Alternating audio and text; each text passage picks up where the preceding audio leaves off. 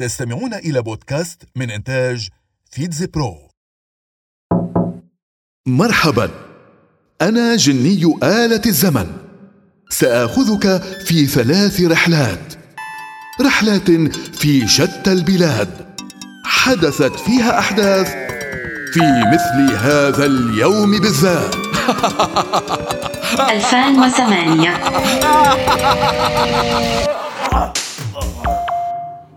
نيهاو أنا مركز شنغهاي المالي العالمي. أنا وبكل فخر أطول ناطحة سحاب في الصين. يأتي بعدي برج مركز التجارة الدولي في هونغ كونغ.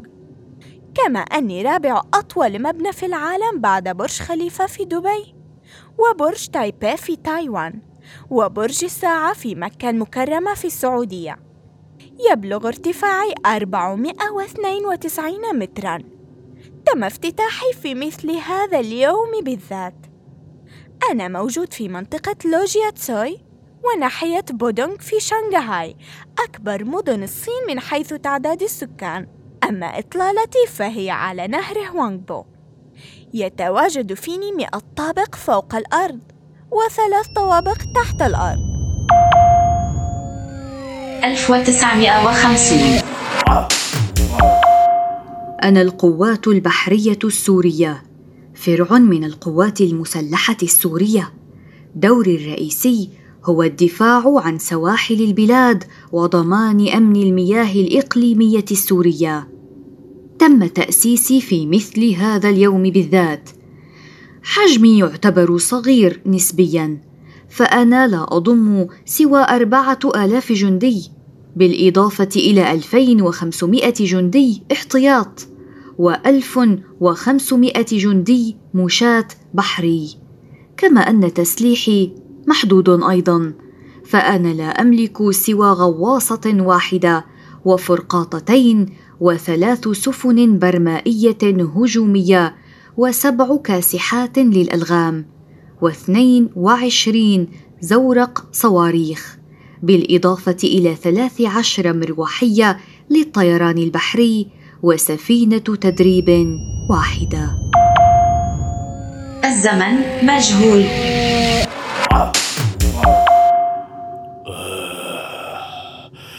أنا تحوت ويسمونني توت. أنا إله الحكمة عند الفراعنة. لطالما لعبت دور الوسيط في الصراع بين قوى الخير والشر. واعتبر من أهم الآلهة المصرية القديمة.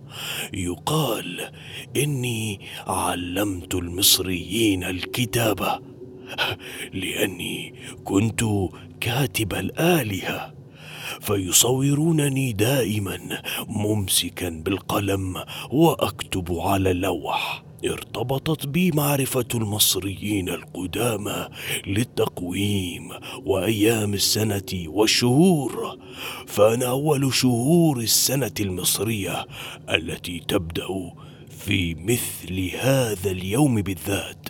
وتتألف هذه السنة من ثلاثة عشر شهرا وتتبع التقويم الشمسي. أي أنها تعتمد على دورة الشمس لا دورة القمر كالمسلمين. وهو من أوائل التقاويم التي عرفتها البشرية كما أنه أكثرها دقة من حيث ظروف المناخ والزراعة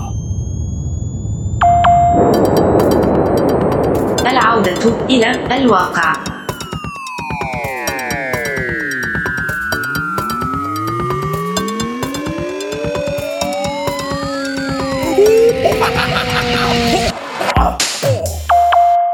استمعتم إلى بودكاست من إنتاج فيتز برو.